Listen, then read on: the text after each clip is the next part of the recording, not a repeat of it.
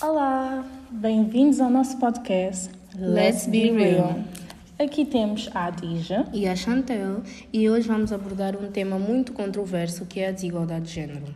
Queres explicar para os nossos ouvintes o que é a desigualdade de género?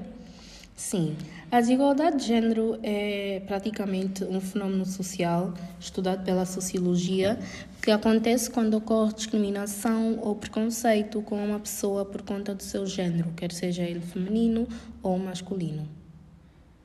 Bem, eu vou falar sobre as causas. Não há uma causa direta porque a desigualdade de género já tem passado de gerações a gerações a gerações. Um grande exemplo é as gerações passadas, como os nossos avós, bisavós, tetravós, já nos tempos passados. As mulheres sofriam uma grande desigualdade de género, ou seja, a mulher antigamente nem podia ir à escola, nem trabalhar. Ficava em casa a cozinhar, a tratar dos seus filhos e limpar a casa. E o homem é que tinha o papel de chefe da casa. Mas atualmente, graças a várias mulheres que lutaram pelas, pelos nossos direitos, a situação tem melhorado, mas ainda existe um problema no âmbito, âmbito profissional.